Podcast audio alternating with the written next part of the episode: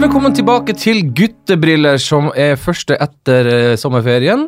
Eh, med, eh, og for en nydelig start på sesongen. Hjertelig velkommen til Adam Sjølberg. Tusen hjertelig takk. Ja, Vi skal komme tilbake til akkurat hvorfor du er her, for du passer så Jeg kunne ikke tenkt en bedre gjest å starte en podkast som heter Guttebriller med etter sesongen. Eh, eh, men jeg skal før det si at eh, du kan følge Guttebriller på Instagram og Snap. Da er det The Lake Wall, altså som i The Beatles. ved Lakevoll. eh, der er guttebriller. eh, jævlig tynn sammenligning. Ja, Altså. jeg, jeg reagerte på sammenligningen. Jeg kunne ikke sagt The Doors, men det hadde ikke vært noe mindre kvalmt. Altså. Eh, eh, Adam, hvordan går det? Du, det går fint. Fin sommer. Veldig fin sommer. Ja. Eh, hva er det jeg egentlig har gjort i sommer? Jeg, føl det, jeg har hatt litt sånn rar sommerfølelse, for jeg følte den har vært eh, lengre enn eh, vanligvis. Eh, det vet jo du alt om, at man har jo en- egentlig ikke ferie. Nei, vi har ikke det. Eh, så mens i år så har jeg følt at jeg faktisk har hatt litt ferie. Så det har vært deilig. Jeg har vært på Vinje- Vinjerock, på festival. Eh, og så har jeg vært hjemme, jeg er jo egentlig nordfra, så jeg har vært hjemme på Kjerringøy.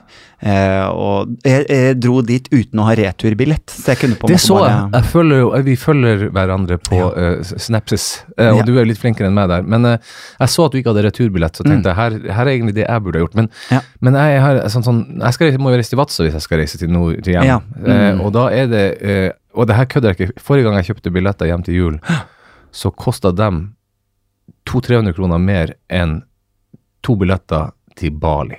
Ja.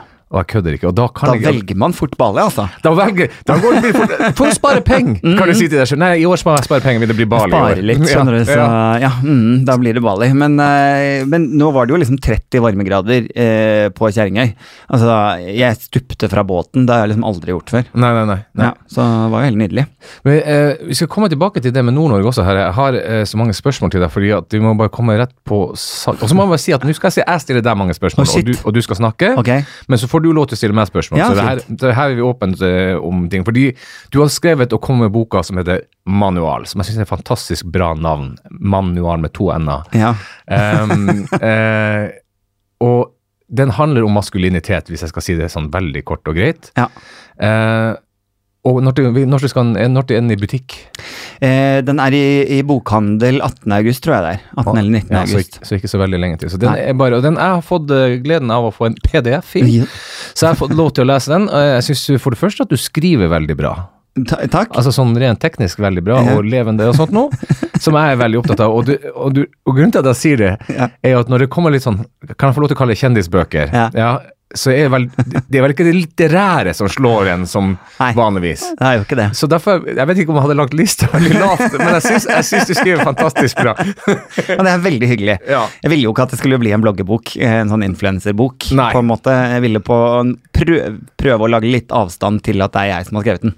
Ja. Egentlig. Ja, og det klarer du eh, veldig fint, selv om du eh, henter veldig mye erfaring fra ditt eget liv der. Ja. Men, men kan, jeg, eh, kan jeg spørre deg før vi går inn på det, har du noen gang hatt en plan i livet? For jeg tenker at mye av, det, mye av den, den boka handler, hvis jeg skal se bort fra det maskuline som vi skal komme Ja. inn på, handler om din retning og hvor livet har ført deg hen Mm. eh, via både familiær og personlige valg og sånne ting. Ja. Har du noen gang hatt en plan? Eh, ja, ja, har man det da? Eh, jeg tror man har, alle har vel planer som skrotlegges eh, fortløpende, men eh, jeg er jo en person som liker å legge planer, og det har alltid vært. Eh, så både ja og nei er svaret på det, men uh, Jeg tenker karriereplan her nå først. ja, eh, karriereplan var nok uh, Det var skuespiller som sto høyest på lista fra jeg var ganske liten. Mm. Og så og, og gjorde jo det masse. Altså barneteater og videre med ungdomsårene igjen og musikal og den biten der.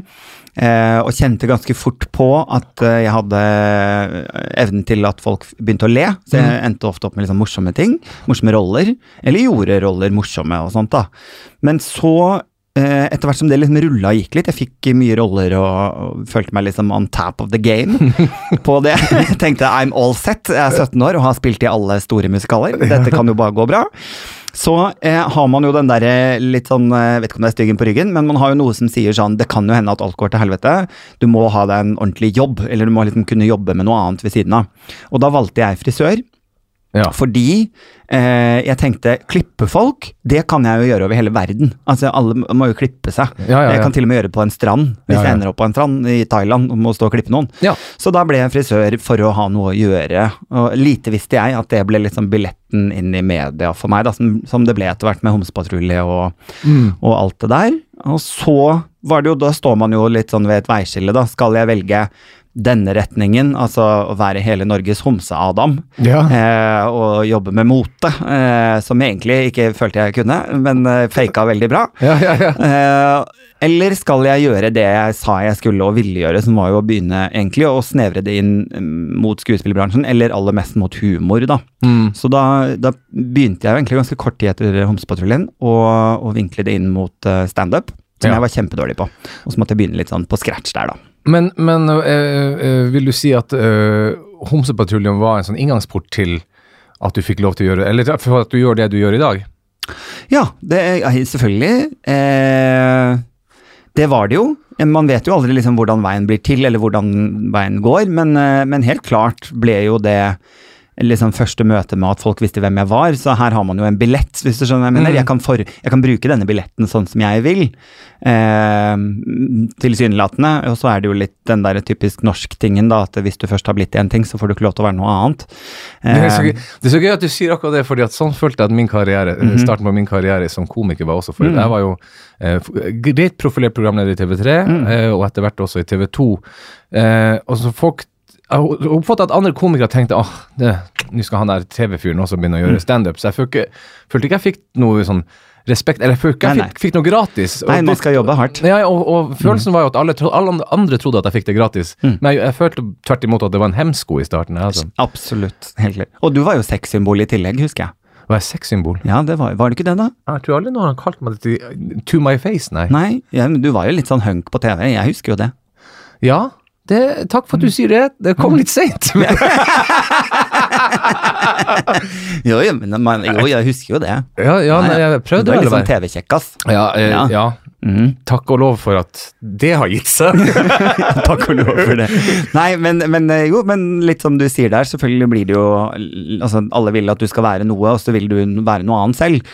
Så må man jo put in the work, eh, og alle andre står og tenker at eh, ja, men dette har jo kommet gratis for deg, men, men det gjør jo ikke det. Men tilsynelatende så tror jeg også det ligger litt eh, Jeg har nok dømt meg selv hardere òg, opp igjennom. ikke Mm. sant? At, eh, at jeg har ikke følt jeg har fortjent å være her, eller at jeg, jeg ikke at, ja, fordi man har jobba så hardt og, og allikevel aldri får approval fra sitt eget miljø, eller hva det nå enn er, så innser jeg jo at jeg også kanskje har vært litt dårlig på det med meg sjøl òg. At jeg har vært litt strengere med meg sjøl. Ja, for av og til kan jeg også få den følelsen at nå er det like før noen avslører meg, at jeg egentlig ikke har talent for det her i det hele tatt. Ja, Ja, Uh, den, den, den, men samtidig så er det jo den som trigger en litt. Um, Mm. eh, du, du og, og, og Tore holdt jo på, føler jeg da, nå må Mm. du rette meg hvis jeg tar feil, føler jeg at dere holdt på sånn akkurat sånn under skorpa eh, og satte opp showene deres Mm. og gjorde det rimelig bra, for dere hadde deres store publikum, men Mm. at dere alle på en måte brøyt vannflata Nei. før det var gått ganske lang tid. Nei, kjempelang tid. Eh, hva, hva var det I den perioden tenkte dere at ok, vi skal bli blant Norges fremste Altså, du, du er jo standup-komiker. Jeg, jeg, jeg tror Tore regner seg som det også til en viss grad, men ikke Ja. så mye. Ja. Han, han er jo iallfall en glimrende foredragsholder eh, og, og komiker, han òg. Men du er vel, føler deg mer kanskje ren sånn standup-komiker? ja.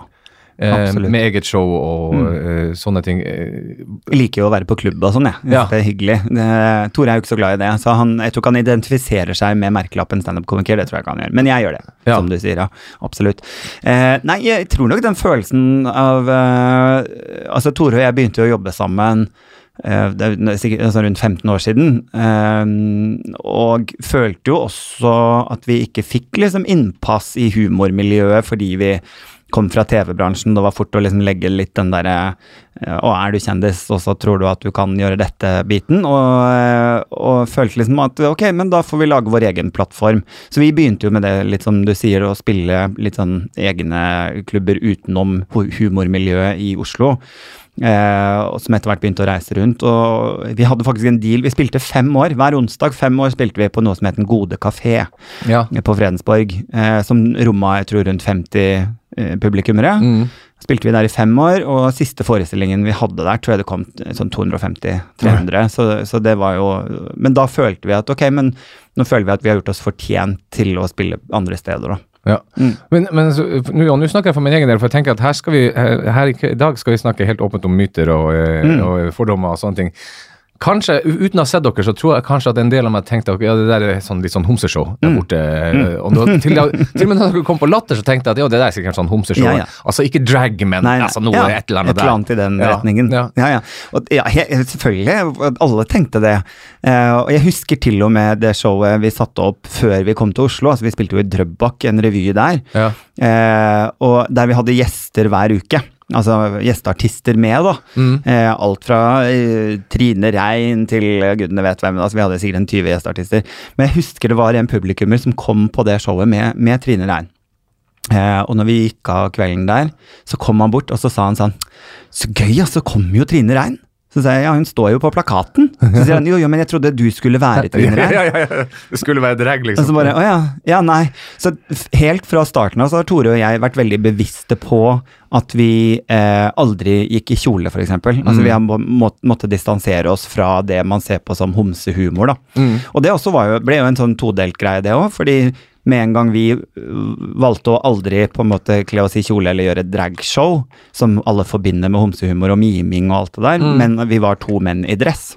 Eh, som sang våre egne låter og, og gjorde standup, eh, så eh, ble jo homsene sure. for, for at vi hadde liksom valgt side. Ja. Eh, da hadde vi valgt hetero, vi hadde valgt å please det heterofile miljøet, da, istedenfor å holde oss til våre egne. Ja. Så dere falt liksom litt mellom to stoler her, eller? Ja, ja, vi gjorde jo det, eh, men vi har jo brukt veldig lang tid på det som jeg føler vi Og det har jo vært bevisst, bare for å gå litt også tilbake til det med å ha en plan. Tore og jeg har vært veldig bevisste på at vi ønsket å bli eh, folkekjære. Kontra å bli en smal draggruppe Ja, ja. som drev med homohumør. Fordi at vi ønsket å ha en karriere med dette. Ønsket å kunne leve av det. Ja. Eh, og da trengte vi å nå bredt. Dere hadde lyst til å bli allemannseie, på en måte? Ja. Mm. Du, men la oss komme over til boka litt. Eh, fordi det er jo det det her, eh, det her eh, podkasten her handler om. på en Mm. måte. Det er jo alle sider av maskulinitet og det å være mann. fordi at jeg følte, Utgangspunktet mitt var alltid at jeg følte at, at sånne samlivs, sex- og samlivsspalter Mm. og sånt, er alltid gjort av kvinner. Og nå tenkte jeg vi gutter må også ha en, liksom, en Og ha en sex- og samlivsspalte. ja, Snakke om våre, våre greier. Ja. Men, ja, ja. men samtidig så er også litt av min filosofi at det er ikke så stor forskjell på kvinner og menn. Som, eller vi deler det for, for hardt opp, da. Ja. Og du skriver om det i, i, i, i boka di, som jeg syns er, som jeg synes gjør den så spennende. og det er du skriver i starten eh, at samfunnet har på en måte bestemt seg for hva som er maskulint, Mm. sier du i forordet. Mm. Hva legger du sjøl i, i, i begrepet maskulin eller maskulinitet?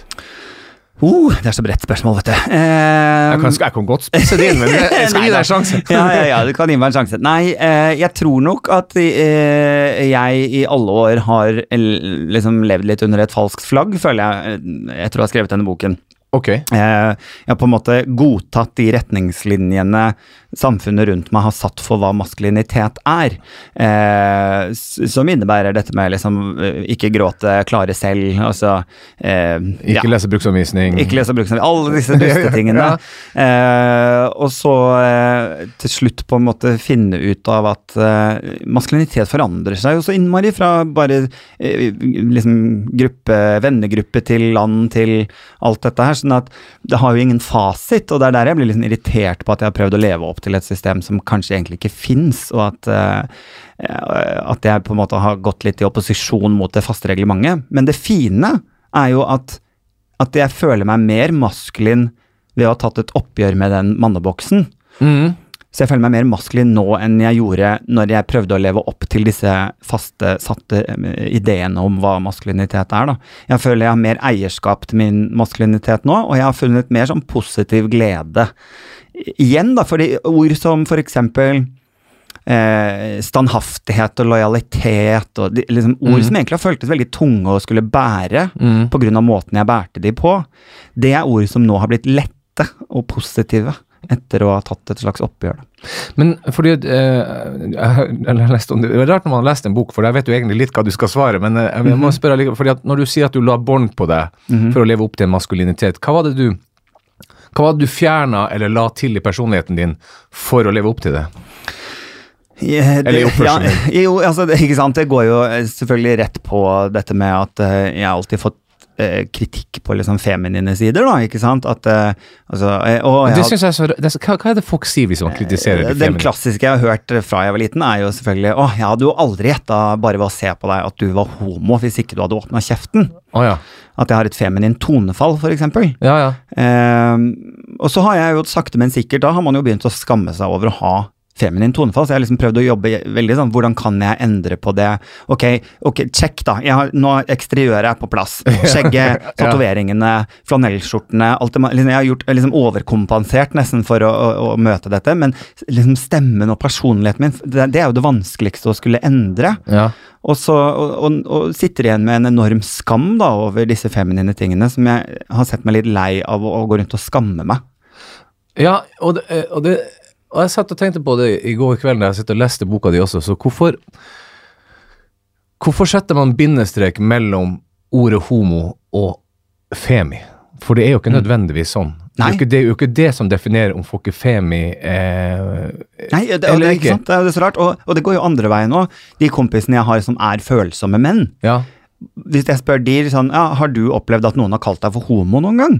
Fordi du er følsom? Og vi sier, Å ja, ja, ja, ja, masse. Å, ja. Jeg får det spørsmålet hele tiden. Ja. Er du Å, ja. homo, liksom? Fordi du har noen fem, det man ser på som feminine kvaliteter. Da. Men, men eh, og nå jeg tenke meg om, men, men transponderer det opp, over til eh, jentene, da? Så hvis, hvis, man har, det- hvis du har jenter med veldig sånn utprega guttete mm. stil eller eh, oppførsel eller interesse, for den saks skyld, eh, blir du da eh, direkte Blir de kalt for lesber? Nei, Nei. fordi eh, å ta på seg maskuline kvaliteter er positivt. Ikke sant? Ja, så, så det er der det snur, da. ikke sant? At de, det hyller man jo. Guttejenter hyller man jo. Ja, ja. Eh, ta, hvis du tar på deg noe mandig, så er det bra. ikke sant? Tar du på deg noe feminin, så er det dårlig. Ikke sant. Mm. Um, for å snakke litt om, om, om, om uh, Nå har du for så vidt bes- besvart det, for du er jo, når jeg ser på deg, og det har jeg alltid ment, uh, iallfall de siste årene, som- mm. vi har begynt å kjenne hverandre bedre, er at du ser jo ekstremt maskulin ut. Mm. Mer enn meg, vil jeg si. Eh, med det skjegget Du ser jo ut som en tømmerhugger, eh, ja. og ser ut som du spiser bark til frokost. Ja, ja. Noe du kanskje gjør, jeg vet ikke. Eh, eh, eh, men men så, så sier du at det var på at det var på en måte en overkompensasjon. Hvor står du med det utseendet i dag, da, når du har Sier at du i større grad har funnet din maskulinitet? Nei, den er utseende Altså, eksteriøret er jeg jo på en måte eh, fornøyd med uansett, kan du si. Du er jo Eh, en stilig mann, må jeg si. Altså, jo, men det er jo Jeg vet ikke. Det er så stor del av meg vet, Det var noen som spurte om jeg angret på noen tatoveringer, f.eks., og det har jeg jo veldig mye av. Jeg tror, og jeg tror jeg har kommet til det punktet der jeg har så mange at det er for seint å angre. Sånn at angre på det gjør jeg jo ikke. Eh, og jeg har ikke noe nå sånn en ny sånn Å nei, nå trenger jeg ikke flanellskjorter og skjegg lenger, siden jeg har funnet en ny eh, liksom maskulinitet. For det er jo på en måte min stil, og det er jo det jeg også prøver å si med boken, er at det, det, det, denne boken betyr jo ikke at du skal være det motsatte av en alfahann.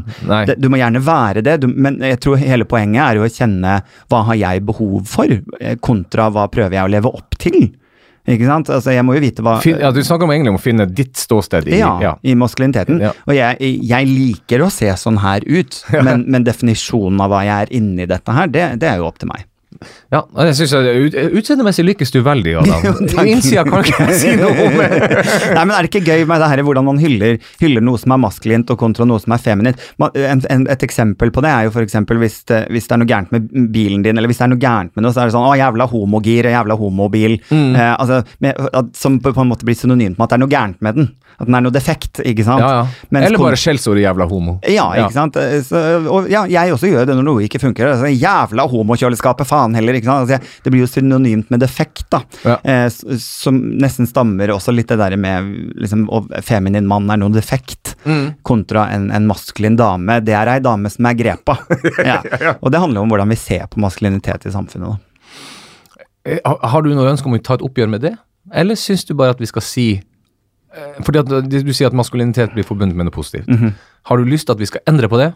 Eller Nei, jeg syns ikke vi skal endre på det. Maskulinitet, er kjempepositivt. Det er jo der jeg bare Det betyr jo ikke at femininitet er noe negativt, selv om maskulinitet Nei, nei. er noe positivt. Nei. Altså Begge deler kan jo være positive ting, men det er jo veldig sjeldent at hvis en jente gjør noe mer feminint i en situasjon, så er det jo sjelden at vi sier yay! applauderer. Hurra for femininiteten. Det er jo mer hvis hun gjør noe mandig, så sier vi «Oi, hurra Å, faen, det for er tøff dame, da. ja, det er tøff dame, ikke sant. Det er jo mer det at, at de, de trenger jo ikke settes opp mot hverandre nødvendigvis. Man må jo ja, innse at vi begge kjønn, eller det kan jo også være en diskusjon, alle tolv kjønnene Vet du faen.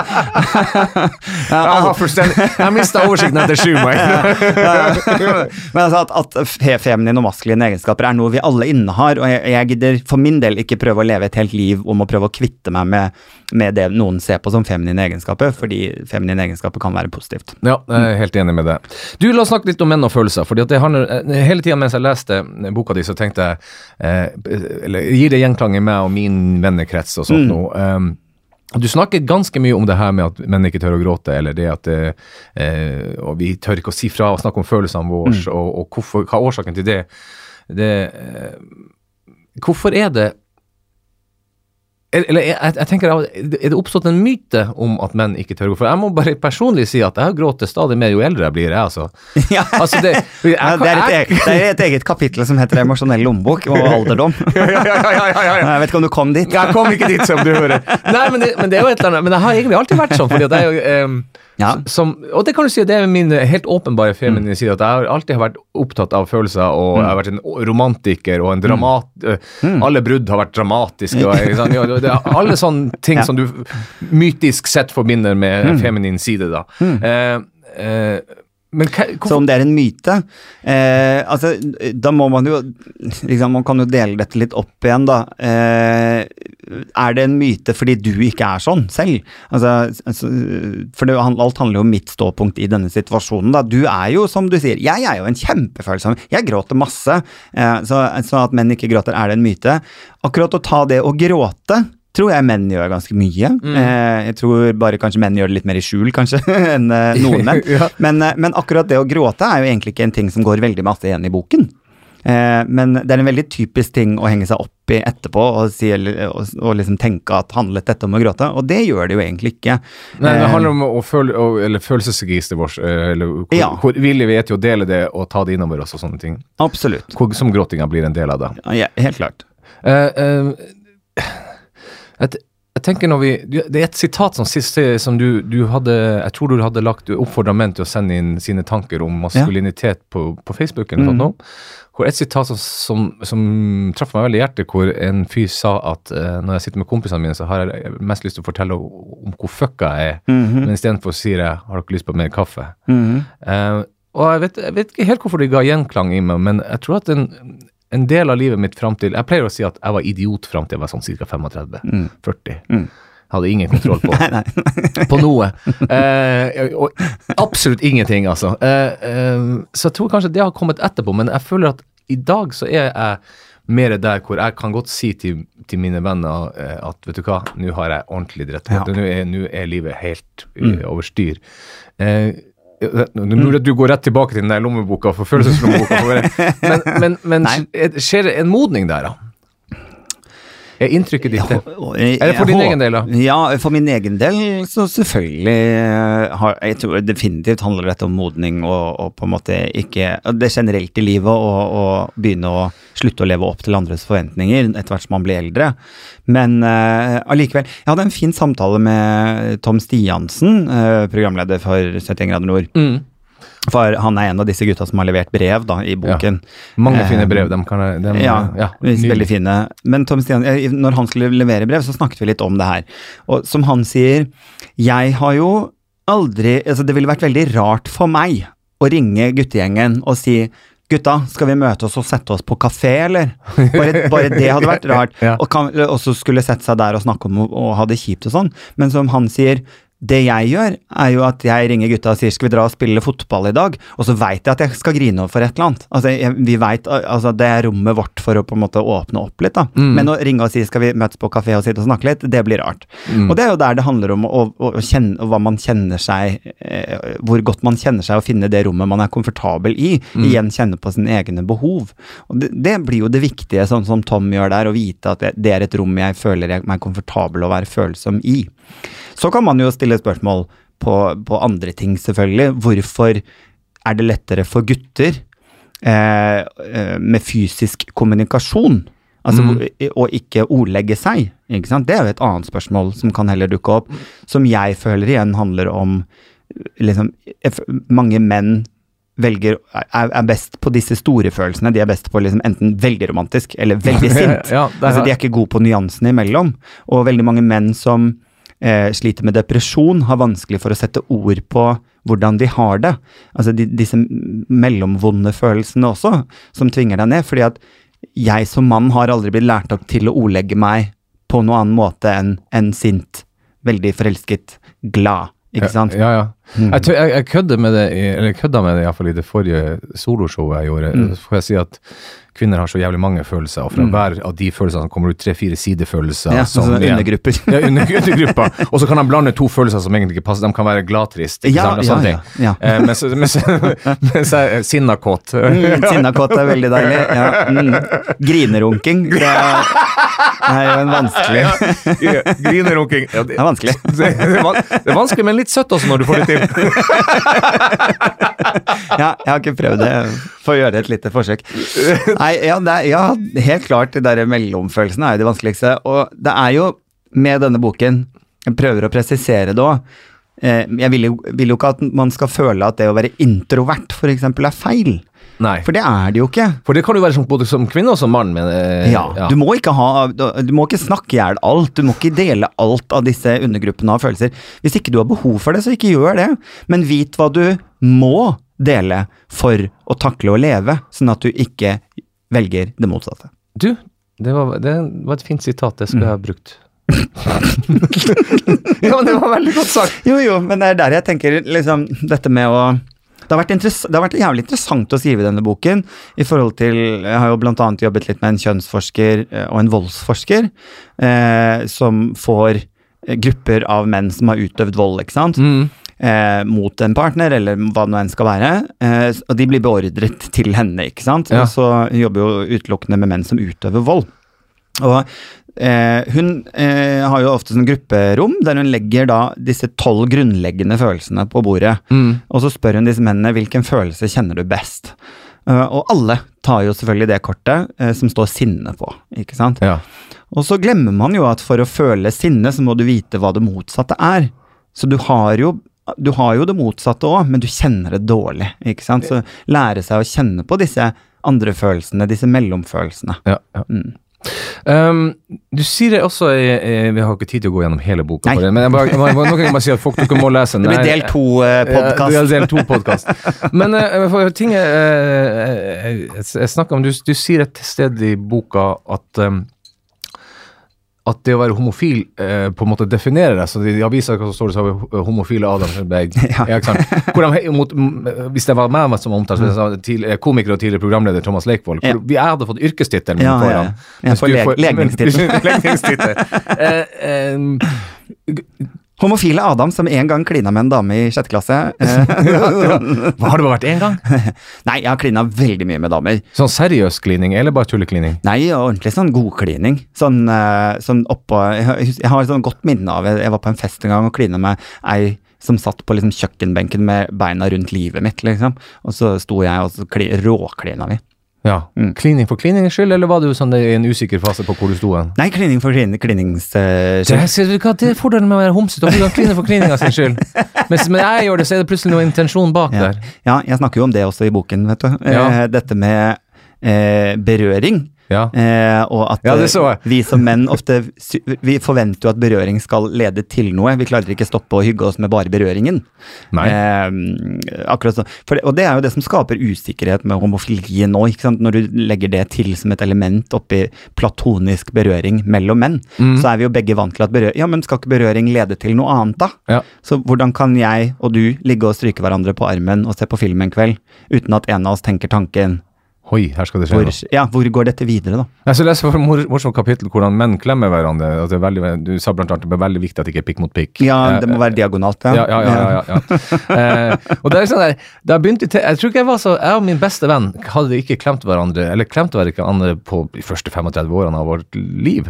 Nei, Eh, nei. ehm, men så begynte begge to i mediebransjen, hvor vi klemmer hele, Hele tiden. tiden. og folk du ikke kjenner, altså det, det er veldig sjelden et, et handshake bare, det er liksom en Ja, klem. en klem. Eh, så nå har vi også begynt med det. Ja. Eh, og så var jeg så vant til, å, vant til å gjøre det med alle jeg møtte. Så treffer jeg en annen veldig god venn som jeg heller aldri hadde klemt, eh, som, eh, som møtte meg på gata, og han er litt stressa, jeg er litt stressa. Ja. Så uforvarende, nei.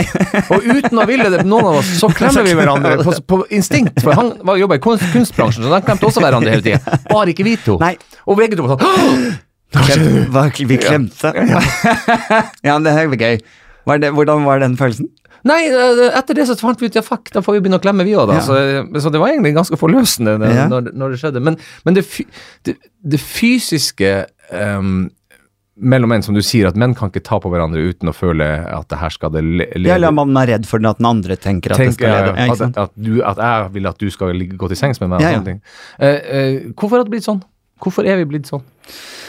Hvorfor har vi blitt sånn? Eh, hvorfor spør du nå eh, Altså, det er jo så frykten for homofili, altså den har jo ikke alltid vært der. Altså Homofili har jo ikke eksistert heller alltid. Nei. Det er jo på en måte eh, Forholdsvis ny oppfinnelse. Det er akkurat jo relativt ny oppfinnelse. Ja, ja. Så frem til det så var man jo ikke redd for noe som ikke fantes. Altså, da skjedde det jo.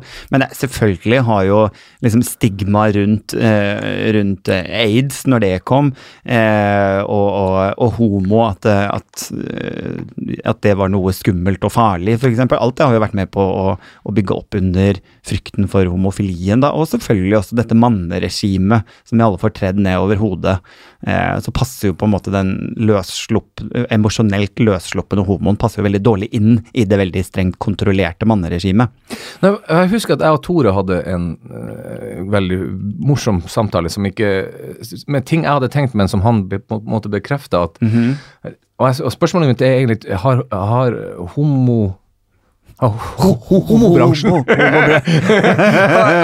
har, eh, det homofile miljøet en, en skyld i det her sjøl? For, for Tore var litt oppgitt over at det var kanskje bare en viss løssluppenhet, det var mer utroskap i homofile forhold, litt sånne ting, som han følte at han ble identifisert med uten å, uten å ville det.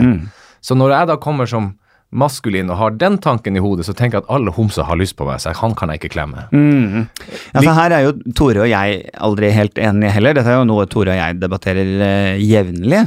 Eh, for det er jo selvfølgelig fort å tenke at eh, hvis det er to gutter, de må jo ha sex hele tiden. Altså, De har lyst på, alltid lyst på sex. Ja, for folk blir jo sjokkert. Jeg har jo vært til stede på fest hvor folk blir sjokkert over at du og Tore ikke har vært et par tidligere. ja, eller fordi vi er jo homser. Så, Ja, ja, ja. ja, ja. Så, men at, har du alltid lyst på sex? Nei, ikke alltid. Nei. Eh, så, så, Det er heller ikke sånn at når jeg møter eh, en kvinne, da, mm. så det er jo ikke sånn at jeg, at jeg tenker at i, på et eller annet tidspunkt i løpet av en samtale så tenker jeg hvordan hadde det vært å ha sex med henne. Det er jo ikke sånn jeg tenker om, om kvinner heller. Nei.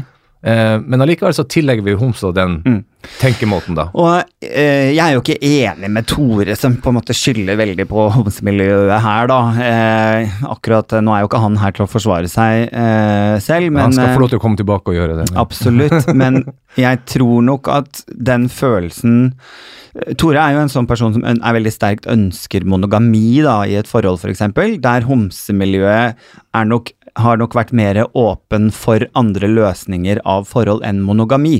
Eh, og, og det er jo sånn, Jeg føler at homsene er ganske kjent for gjennom hele historien å stå på barrikadene for å bryte satte rammer. ikke sant? Det har nok homsene vært veldig flinke på gjennom hele historien uansett. Eh, at Tore føler at alle homser har åpne forhold.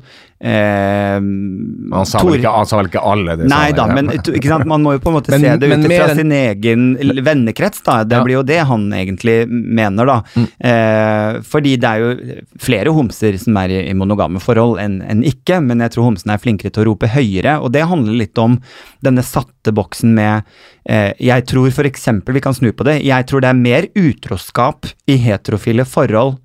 Eh, Altså tradisjonell utroskap. ja, ja. ja. som, og så snakker de ikke om det. Jeg tror homsene har valgt å si ok, men dette vet vi skjer. Mm. Eh, la oss heller være åpne på det. eh, Og se hva som skjer da, for å bryte disse satte av fire-rammene. da. Så eh, jeg tror jo Jeg tror det er flere åpne forhold blant mine heterofile venner enn jeg vet. Ja, det kan godt hende. Ja. Men, men, men det, Og da kommer jeg tilbake til eh, det med maskulinitet. Men det å ha lyst på sex, Mhm. det, som ha, det å ha en stor sexdrive, det å ha lyst på mye sex Ja. eh, Som da eh, du sier at det er en større åpenhet for det i det homofile miljøet Nei, jeg tror det er, det er ikke mer åpenhet for å ha en større sex-drive, men det er mer åpenhet til å snakke om tabu. Ja, ja, Ja. Ikke, ikke sant. Det, det er veldig maskuline egenskaper igjen, da, vil jeg si. Ikke det er nødvendigvis å snakke om det, men det å, å, å ha et Hvis man da forutsetter at, at homofile oftere har et åpent forhold og kan snakke om at kanskje vi kan blande kortene litt her, eh, er ikke det en veldig maskulin egenskap, da? Eh, nei Eller hvis man tenker at, at menn har et større sexdrive enn kvinner, da? Ja, har de det, da? Det er mye forskning som tyder på Ja. det. ja. Ja, altså I utgangspunktet så er det jo Ja, yes, jeg, jeg er åpen for at det er også en myte, jeg, altså. Men, Nei, jeg, det, akkurat det har ikke jeg svaret på, men, eh, men eh, la oss ta det for gitt at menn har en større sex drive enn en kvinner. Ja, jeg vet ikke, er, er det liksom Hvordan er denne forskningen? Eh, Jeg har lyst til å lese den, kjenner jeg. Men eh, jeg tror nok kanskje menn har et sterkt jeg vet ikke, kan man, Det kanskje ligger noe i det forplantningstingen. mm. Eh, at menn ønsker å få liksom forplantning, at de har et slags gensett som er liksom vi skal forplante oss. Jeg vet ikke, kanskje det ligger noe der. Ja, men tenk tenker bare på, hvis, hvis du er et Og det er mulig at det her er ting som du ikke opptar av i det hele tatt, men Mm. hvis, du, hvis du er i et, et heterofilt forhold, og så har du mindre lyst, som mann mindre lyst Mm. på sex enn kona di, at så stort at det blir et problem, så kan du slå opp i Senest i forgårs så var det en artikkel i Dagbladet om Mm. hvordan man løser det problemet. Det fremstilles som et enormt problem. Veldig uvanlig. Det er skambelagt for en Mm. Ja. mann å ikke ha lyst på sin kone, så når hun har lyst, har mindre lyst enn sin kone. Mens i motsatt fall, Mm. så er det sånn at ja, men sånn er jo alle heterofile forhold. Ingen menn som får nok. Ingen som, Ikke sant. Nei, så snart du har småbarn i huset, så blir det jo aldri noe, sant. Det, Ja, ikke sant? Så da, hvis, hvis jeg skulle vært den som, hadde, som hadde minst lyst på sex i vårt forhold, så ville jeg følt meg som mindre mann, rett og slett. Mm. Mm. Ja, det er jo det er en interessant påstand da, å komme med. Eh, Fordi handler det om, eh, om det du akkurat sa nå, da, at det er tabu, at det er liksom skambelagt? Mm. Er det derfor du føler deg mindre mann, eller er det fordi du har Det- lyst på mindre sex? Fordi det, altså, eller er det skammen rundt det? Eh, Det er jo for, for, først og fremst det å skuffe For du er jo ikke mindre mann. Altså, hvis vi går rent, deler deg i to og forsker litt på hva som er på innsiden, så vil jeg jo tro at konklusjonen er mann. Ja, ja, ja, definitivt, definitivt mann, men, men nei, det er det at jeg, jeg, jeg si åpent spørsmål, jeg har ikke sittet med svaret sjøl, men, men jeg tror at litt er samfunnets krav til det. Eh, og litt at vi eh, som mann eh, Maskuliniteten din ligger litt i sexdriven. Hvor, I hvilken stand er du i Du skal være et rovdyr, da. er rovdyr, ja. ja. Du skal nedlegge, enten om det er kvinner eller menn, Ja. du skal være i stand til å nedlegge dem. Eh, eh, og hvis du ikke er det, Mm. hvis du overgås av den Absolutt, og det er jo Det var ganske interessant. Jeg holdt på å skrive boken, så snakket jeg jo en del med litt sånn yngre menn, 20-årene og under 20-åra. Eh, og det de sa til meg, var jo at de kjente på et press eh, om at de skulle være gode i senga fra første gang de hadde sex. At de, de, gutter har ikke noe, får ikke lov å ha en slags lærekurve på å være dårlig og bli bra. Du skal bare være det, Du skal vite hva du holder på med. Eh, det er jo det ene interessante på hvordan man allerede da ved å, De to-tre første gangene unge gutter har sex, så handler det om å skaffe seg erfaring for å bli bra nok og være passable bra nok i senga. da. Og det du egentlig da allerede har gjort ved de to-tre første gangene du hadde sex, så har du eh, distansert deg emosjonelt, for det har, det har ikke betydd noe for deg. Nei, nei, nei. Så det er det du på en måte vender tankene dine til, da. Og så er det jo da det andre problemet, der vi ser at tallene på menn under 30 som bruker f.eks. Viagra, de har do seg på de siste Det har er eksplodert. Det har eksplodert. Mm. Og så kan man jo begynne å stille spørsmål, fordi at flere av de guttene jeg har snakket med, og dette med potensproblemer, da, som jeg synes er liksom litt tabu blant gutter å snakke om, Mm. så, for det er jo ikke sånn at disse guttene har problem med å fullføre selv, altså runke. Nei, det går nei. fint aleine, men Mm. å fullføre og være hard gjennom et helt samleie, da, det sliter veldig mange med. Eh, og da har du jo egentlig ikke, da er du jo egentlig ikke impotent, ikke sant? for du klarer jo fortsatt å gjennomføre alene. Mm. Så hva er det da, da? Ok, da er det noe psykisk, da. Det ikke sant? er et press utenfra, ja. Ja, det er noe annet. Og da er jo egentlig ikke Viagra løsningen, men, men å finne ut hvorfor, hvorfor er det sånn. Hva, hva gjør jeg feil emosjonelt, og hvorfor har jeg en tilknytning som er helt off? Og det, jeg, hadde, jeg har jo hatt en psyko, um, sexolog her, mm -hmm. og vi snakka om akkurat det her temaet her, og Mm. han sier at i noen ganger Sian, så kan Viagra være et nyttig hjelpemiddel, og du definitivt Og det kan være et nyttig hjelpemiddel for å få selvtillit. for å få selvtillit. Men han sa at det, faren er jo da, sånn som det er blant unge gutter i dag, Mm. at de bruker så mye Viagra at det blir også blir et psykisk problem fordi at du tror ikke du er i stand til å gjennomføre uten. Eh, eh, og så, men han sa i ni av ti tilfeller så sitter det i skallen.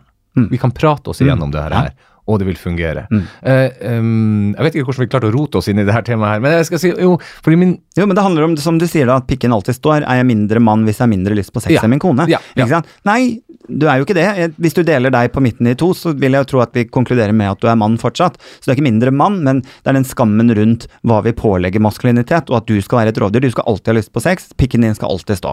Den skal være parat, liksom. Mm. Men, og, og, der, og der tror jeg det er et enda større press på de unge som kommer nå, Mm. Enn det det var på oss. Mm. Uh, nå er du forholdsvis mye yngre enn meg, men allikevel. Det, det, det, det, altså, min, jeg har en sønn på 17 år, og, og hans verden er jo ganske lik det, så- sånn som det var for jenter når jeg vokste opp. Mm. Ikke sant? Det er et kroppspress, det er et Mm. press om å ha en sixpack. Mm. Er, altså, du, hvis du ligger mye rundt, så blir han kalt fuckboy, Mm. eller eh, Men er fuckboy mer positivt lada enn hore? Nei, det er ikke det. Altså, det, du, det er ingen jenter som har lyst på en fuckboy, jeg- hvis jeg forstår det her riktig. da. Eh, em, og det er viktig å ha en stor kuk, mm. eh, sånne type ting. Mm. Eh, så eh, Det er det verste skjellsordet en gutt kan få i den generasjonen, Mm. at han er liten. Ja, ja. Mm. Så, så det er veldig angrep på deres maskulinitet Veldig. også. Eh, og så kan man si at sånn historisk sett så er det kanskje litt fortjent at det går eh, litt begge veier. ja, jo da. Eh, eller at vi begynner å liksom se resultater av, av negativ maskulinitet, da, eller negativ ladet maskulinitet. Mm. Vi begynner å liksom se resultatet av at dette, ok, dette systemet funker jo ikke, da. ikke sant? Så kan vi begynne å røske litt opp i hva, hva maskulinitet er, da. Før har jeg følt, da, og, og ønsket å ta et litt oppgjør med. Fordi vi har jo endt opp på et sted den tradisjonelle maskuliniteten som, som vi har og har hatt veldig lenge, uten å stille spørsmål ved, Mm. har jo ikke nødvendigvis leda oss til et godt sted. Men syns du ting Ser du, syns du ting begynner å bli bedre? Det er derfor jeg tenker eh, boka, for boka det er jo veldig sånn, dekker jo mye. Mm. eh, ser, du, ser du for Man må ikke oppfatte det som en negativ bok, for det er det overhodet ikke. Den Nei, er veldig, Dette er en slags stor klem til mannen. ja, den hyller, den hyller maskuliteten eh, veldig, men med nyanser, og det syns jeg er det viktigste her. Mm. Eh, em, syns, syns du det blir, er det mer positivt nå enn det var for ti år siden? Er det mer positivt enn, Du har noen nydelige dagboknotater fra da du var 15-16, Mm, som jeg synes er- som jeg, eh, traff midt i hjertet. Mm. Eh, den 15-16-åringen der, har han eh, Hvis han hadde levd i dag, hadde han hatt det bedre enn det du hadde det? Mm. Nei, nei, nei jeg, er sikkert antageligvis verre, vil jeg tro. Men, eller jeg vet ikke. Det er vanskelig å si, svare på akkurat det. Men eh, det som sjokkerte meg, faktisk For i starten, når jeg begynte å skrive boken, så var det jo også litt sånn selvrensende, ikke sant. Mm. Altså, og så tenker man kanskje det bare er meg. Og så har jeg vært litt redd for at kritikk skulle komme med at, liksom, at jeg sparket inn åpne dører. Mm. Eh, ikke sant. Vi, og så etter hvert som jeg begynte å snakke med menn og, og, og få disse med åpne meldingene på Facebook og sånn, det rare som også var liksom det største sjokket for meg, var at jeg måtte etter hvert begynne å lete ganske aktivt etter menn som ikke hadde vurdert selvmord. Ja. Ja. Og, så, så ikke sant, er det, er det bedre, har det alltid vært sånn? Vet, det vet jeg ikke. Men sjokket mitt var jo liksom at det var vanskelig å finne menn som ikke hadde tenkt tanken om selvmord en gang i løpet av livet, da. Nei, og, og hvis du l- leser alle statistikker du kommer eh, ut for, så er det jo menn som Helt klart. 90 Ja. av, menn som, av, av folk som tar selvmord, er menn. Ja. Eh, og stort sett er det jo menn som dreper menn, og selvfølgelig også kvinner, men, men det er jo mest av menn som dreper menn. Mm. Eh, og, og tar mest selvmord. Så, så er det bedre, eller er det bare, har vi ikke snakket om det, eller altså, Og det rare følelsen nå er jo den derre er egentlig normalen å ha tenkt tanken om selvmord, og er, er det, hvor negativt er det, eller er det egentlig bare et tabu, men noe faktisk alle gjør, altså Ah, ja, både ja. kvinner og menn, Ja. bare at vi ikke snakker om det. Jeg har liksom prøvd å gjøre meg noen refleksjoner rundt for du, det, men du er, du, altså hvis, jeg, hvis jeg skulle ta åpen opp i min vennegjeng at jeg har i tunge tider mm. vært innom den tanken men det, Ikke vil, man har ville det vært enklere hvis jeg bare Hvor enkelt hadde det vært å bare avslutte det? ja, ja, ja, eller, eh, Og det er ikke en tanke som trenger å være noe eh, Hvor dypt du går i den, er jo- Nei, men du har, Mm. du har tanken, tanke. Men bare det at jeg skulle sagt det høyt i en vennegjeng, Mm. er jo eh, og det tror jeg hadde vært reelt. Da Mm. blir du jo uh, sett på som Å, gud, nå trenger Ja, han er risiko- Nå trenger vi ja, Nå er det en som trenger hjelp her, liksom. Ja. Så det, det ville jeg jo aldri funnet på å gjøre, til tross for at jeg også har det. Alle, ja, Jeg har streifa innom ja. den tanken, ikke sant. ja. Kan man bare brette bilen over i den andre Og så er det jo interessant, liksom. Er det noe vi bare ikke Altså, hva er, hvor, hvor alvorlig er det? At vi alle menn så å si, At jeg måtte lete etter menn som ikke hadde vurdert det? Mm. Altså, at så mange av oss Er det, er det, alv, er det alvorlig? Ikke sant? Eller er det sunt? Eller er det sunt? Jeg vet ikke. Hei. Men det jeg vet, er at menn ikke tar ting alvorlig, spesielt mental helse, før de blir innlagt på sykehus, før det er døden nær. Først da tar de det alvorlig. Så alt før blir sett på som visvas. Ja, ja. Ikke sant? Det skal ikke plage andre med. Nei, eh, du skal jo ligge for døden før det er sånn ok da, kanskje dette var litt alvorlig, liksom. Og det er jo der man Ja. Det uroer meg litt at vi At så mange av oss har vurdert det som, som en mulighet. Ehm, du snakker i boka om forholdet til faren din. Nå vi har- kommer vi begge to fra en sånn nordnorsk oppvekst. Jeg har ikke spurt om din far er nordlending. Er det? Ja, eh, pappa er eh, fra Bodø, Ja. og mamma er fra Kjerringøy. Så, så jeg er 100, 100%, Og jeg er født på Bodø sykehus. Ja, ja. Det er fordi at, at eh, det er Og noen gang kommer jeg venner tilbake til det ordet myter, men, men det er jo for en eh, Kanskje myte, kanskje ikke, men at eh, spesielt i Nord-Norge har menn har vært Mannskultur. Mannskultur, veldig mannskultur, og du skulle helst jobbe alene, og det var mm. ikke mye følelse at du kom hjem, spiste og dro ut igjen. Kanskje du lå med kona innimellom. Eh, eh, er vi prega av For jeg er også liket jeg, jeg kan være veldig konfliktsky. Eh, jeg har brukt lang tid på å lære meg hva eh, å uttrykke ting, spesielt hvis, det hvis jeg har en bitte liten redsel for at det sårer deg. Mm.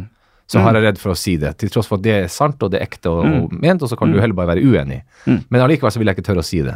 Eh, er, er vår nordnorske mannskultur er den verre enn andre, tror du? Ja. Eh, Verre enn andre. Eh, Eller- det, hvem er den andre? Men, eh, ja, ja, men Men eh, helt klart, jeg føler Jeg også har nok den følelsen ja, at det er en annen mannskultur. Og det er jo her mannskultur endrer seg. Det er det som er så interessant. Det er ikke noe fasit. Nei, nei. Fordi eh, den kan være noe annet vi snak, Eller jeg snakker jo ofte i boken også om at den er noe annet i Afrika og Italia enn det den er i Norge. Mm. Men den er ikke bare annerledes på landsbasis, den er annerledes by, altså på landsbasis i forhold til om du er nord eller sør. Til og med inn, i vennegjenger er det forskjell på maskulinitet. da. Mm. Og jeg også har nok en følelse av at mannskultur i Nord-Norge, den er nok eh, har ikke mer maskulin, tradisjonell maskulin enn den er, kanskje. Mm. Et, ø, menn i Nord-Norge ser nok ikke på menn i Bærum som mer maskuline enn seg selv. Altså Menn i Nord-Norge ser nok på seg selv som mer maskuline enn menn i Bærum, da, for å si det sånn. da. Men da, klart. da tenker jeg jo at da å um, være homofil i Nord-Norge Mm. er verre enn å være homofil i Bærum. Det er, tror jeg òg. Og Ja. det er veldig fort å eh, Jeg kjenner jo selv at den jeg har jo blitt spurt mange ganger om ja, men eh, liksom, alt det her, trenger dere parade, og liksom, er det ikke greit å være homo, da? Og jeg vet at jeg har svart dette mange ganger, og det er at jo, kanskje i Oslo er det rimelig ok å være homo. Eh, kanskje i Bergen, Trondheim, men prøv å reise lenger nordover, prøv å reise lenger vestover, eller enda lenger sørover mot bibelbeltet, så er det, du skal ikke så langt unna de store byene før det faktisk ikke er ok i det hele tatt å være homo. Og prøv å være homo på Finnmark, altså, eller Finnmark, eh, og da er det heller ikke så veldig lett og greit. Så mm, om det er 100 bare Nord-Norge? Nei, det, det er nok eh, både sør og vest og øst også at det er verre, men akkurat ganske nært de større byene tror jeg det er ok. Ja, og det merker jeg at jeg glemmer innimellom. Jeg merker for, for å ta det som jeg syns er positivt, jeg merker at min, mine barn, da, som er henholdsvis 17 og 21, har et helt annet forhold på legning, Mm. altså hvilken som helst legning, enn det jeg hadde og ble innprinta med da jeg vokste opp i Vadsø på, på 70-80-tallet. Og sjøl, altså jeg er jo bare homo. Altså, jeg, er eh, nå er det jo fankeren meg så mange altså, Det er så mye legninger at eh, jeg aner jo ikke forskjell. Og jeg er jo trist og kjedelig, jeg er bare homo, jeg. Ja. Nei, men, så, og, det, men jeg husker da jeg vokste opp, og det her er at, at uh, de få homofile som Mm. var i Vadsø, det var som oftest folk som var på gjennomreise eller Mm. der et år eller to, og sånt noe, hadde en enorm tiltrekningskraft mot eh, de, sånn teatermiljø og sånne ting, som Ja. jeg var en del av. at Vi, vi hang mye med dem, jeg syntes de var kule, mer urbane folk Ja, ja. og sånt noe. Eh, men så eh, husker jeg ikke hva den heter, den TV-serien som han homofile lagde nå, om hva han dypdykka litt inn i Tenker du på type jævla homo, eller noe? ja, det gjør jeg. Akkurat den serien mm. Og da er han jo oppe i Nord-Norge, i Karasjok, tror jeg han er, eh, hvor du helt tydelig ser hvor mye vanskeligere det er å, og stolt stå for den Ja. en hvilken som helst legning oh, ja. i, i, i Nord-Norge. Eh, og det tror jeg kanskje vi, Glemmer vi det innimellom når oh, vi bor her nede?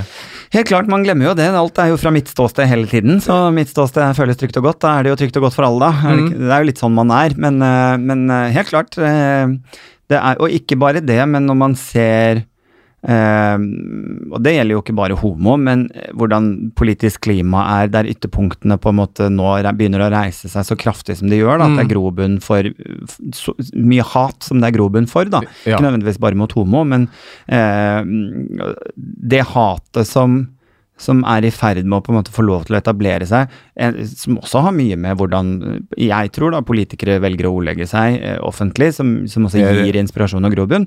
Men det som, som jeg går rundt med en slags uro og frykt i kroppen for, er jo at man kan godt si at å, jeg som homo har det veldig fint, men jeg er faktisk bitte litt redd for at den største kampen for meg og mine ligger fortsatt foran oss. da. Når man ser, altså Polen har jo nå etablert eh, homofrie soner i byer. Eh, Tsjetsjenia har jo eh, arbeidsleirer som har vært de siste seks hvert fall årene der folk Og jeg har møtt folk som eh, jeg møtte i fjor, men som nå bare er borte. Eh, og de er på arbeidsleir, og de kommer aldri til å komme hjem. Det er en konsentrasjonsleir. altså De kommer aldri til å komme hjem derifra. Eh, og det er familien som leverer dem dit, for de vil ikke anerkjenne dem lenger. Så, så dette skjer jo rundt oss, og det, så det hatet som får lov til å, å finne grobunn i dag eh, med hvor, og ser liksom nynazist og høyreekstreme miljøer, hvordan det vokser, det skremmer meg jo. Fordi at jeg føler at friheten min er ikke så langt unna til å, å være borte. Er det tradisjonelt Eller er det som ofte har skjedd, både historisk sett og det som skjer nå, er det sånn at Da tenker jeg spesielt på Russland, som jeg syns har et helt eh, Kanskje ikke folk flest, men sånn i, styringsmessig har et forferdelig syn på homofili. eh, er det sånn at homofili plutselig ofte oppfattes som et angrep på maskulinitet? Mm. Helt klart. Fordi man utfordrer liksom den satte, tenkte formen om hva en mann skal være, og, og dette maskuline liksom, reglementet vi, vi alle trer. Vi bryter jo med alt, ikke sant. Eh, vi homofile bryter jo med det. Eh, og det er jo klart, det, det blir jo som et angrep på andres maskulinitet. Eh, jeg husker en gang jeg skulle, Tore og jeg skulle gjøre et foredrag eller noe sånt nå på en ungdomsskole. Eh, og da på morgenen når vi kom inn på rektors kontor og skulle hilse på liksom lærere og sånn, så kom det altså en heseblesende mor inn, hun var altså så rasende, og tok tak i Tore og meg og sier du, dere får min sønn til å tenke gjennom sin egen seksualitet. ja. Og, du, ja, men ikke sant? Og du er sånn «Æ, Og er du sint? Å ja, jeg trodde Er ikke det en bra Nei, nei, det er ikke en bra ting. Jeg utfordrer noen annens boks. ja, ja. En trygg og fin boks, og så kommer jeg i en veldig rar pappeske og forstyrret hele eskesystemet.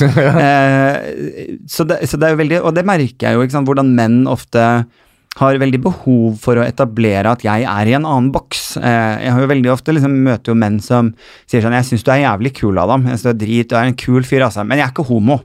Nei, Eh, og det, hvor kommer det fra? ikke sant? Hvor kommer det behovet for å, å si at vi er i to forskjellige bokser? Så vi er ikke i samme boks, eh, bare så du vet det. Jeg syns du er kul fyr, men vi er i forskjellige bokser. Og det som er, og det her har jeg snakka om før i denne podkasten, for det er det jeg syns at, at eh, jeg synes jo verden blir skummel hvis den blir svart-hvitt. Det, er- så det er to ting. Det første er at det er jo Jeg tror ikke at det er sånn at du enten eller jeg får for si, at det er veldig få av oss som er 100% heterofil, og så er det noen som er 100 homofil. Ja.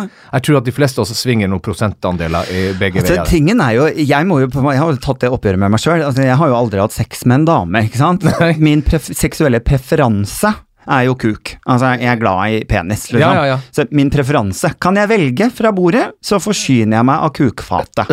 eh, ikke sant?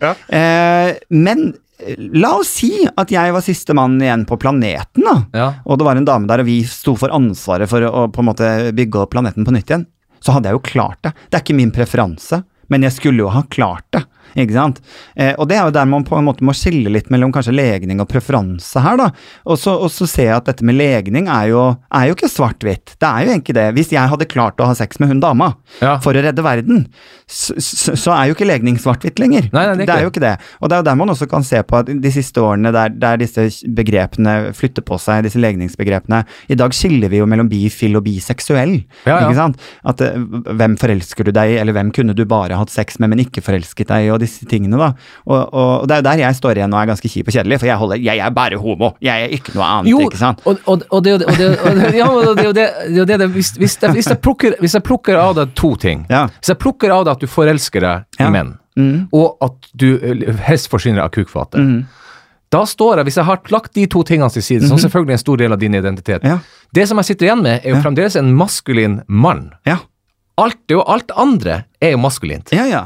Eh, så det definerer det jo altså Det definerer deg selvfølgelig i aller høyeste grad. Ja. Men, men når du ser på hva som skjer rundt i, i, jeg håper å si mørke kroker, er eller i badstuer og sånt noe Det er en haug med heterofile menn som har et behov for å ha sex med andre menn. Ja, ja. Men som fremdeles har sex med sin kvinne. Så, så, så legning kan jo ikke være Nei, nei. 100% Og, og, og, eh, stort sett alle dyrearter har varianter av homofili, ikke sant. Det er det man sier, at det er bare én som har homofobi, eh, på en måte. eh, og jeg leste også et interessant intervju, eh, han Buckman, han eh, zoologen, Mm. eh, der han også fortalte det om at løver, løveflokker, altså disse hannløvene, Eh, de eh, knuller hverandre i rumpa av og til, disse mennene, løvemennene. Ja. Eh, og det gjør de fordi eh, det handler om å få ut eh, utløp for testosteron og det, alle disse tingene. Men hadde de bare skulle slåss, så hadde det vært fatalt for gruppen. Ja, fordi ja, ja. det er mye klør og tenner her. så det de gjør istedenfor, er at de puler, rett og slett, for å få det samme utløpet som slåssing. Ikke sant? Eh, fordi det motsatte, altså slåssing, hadde endt med mindre, mindre flokk, med liten flokk. Altså Mm. da hadde folk ting, eller løver hadde dødd på Ja. underveis. da. Så det er veldig rart å på en måte eh, tro at vi skal ha så satt reglement som menneskeart, når ingen andre dyrearter holder på sånn. Eh, og frosker bytter jo kjønn plutselig. Fisker kan gjøre seg selv gravide. Altså, det er veldig rart om vi bare skulle være mann og kvinne og hetero og homo. Mm. Det blir veldig rart. Eh, vi må begynne å nærme oss slutten her. Eh, Må vi? Ja, ja, vi må det. Hvor lenge holder du For dere har også en podkast som heter eh, Kommentarfelt. eh, Kommentarfelt. jeg, Ja, veldig, veldig mm. morsom. Som har vært en kjempesuksess. Dere har Ja. masse lyttere, ser jeg. Mm.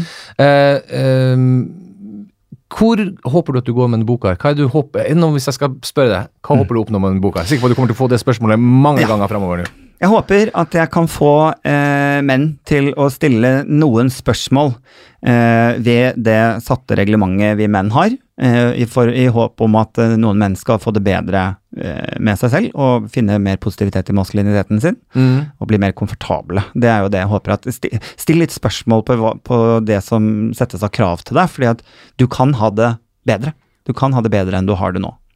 Og jeg må bare si for min egen del at jeg tror at det er en superviktig bok, spesielt for dem som kommer etter oss. Mm. Fordi at jeg tror at de får det bedre hvis de eh, leser den og hører litt om hvordan vi har hatt det. Ja, det Ja. håper jeg. Tusen takk for at du kom, Adam. Du, takk for at jeg fikk lov å være her. Veldig hyggelig. Ha det bra! Ha det!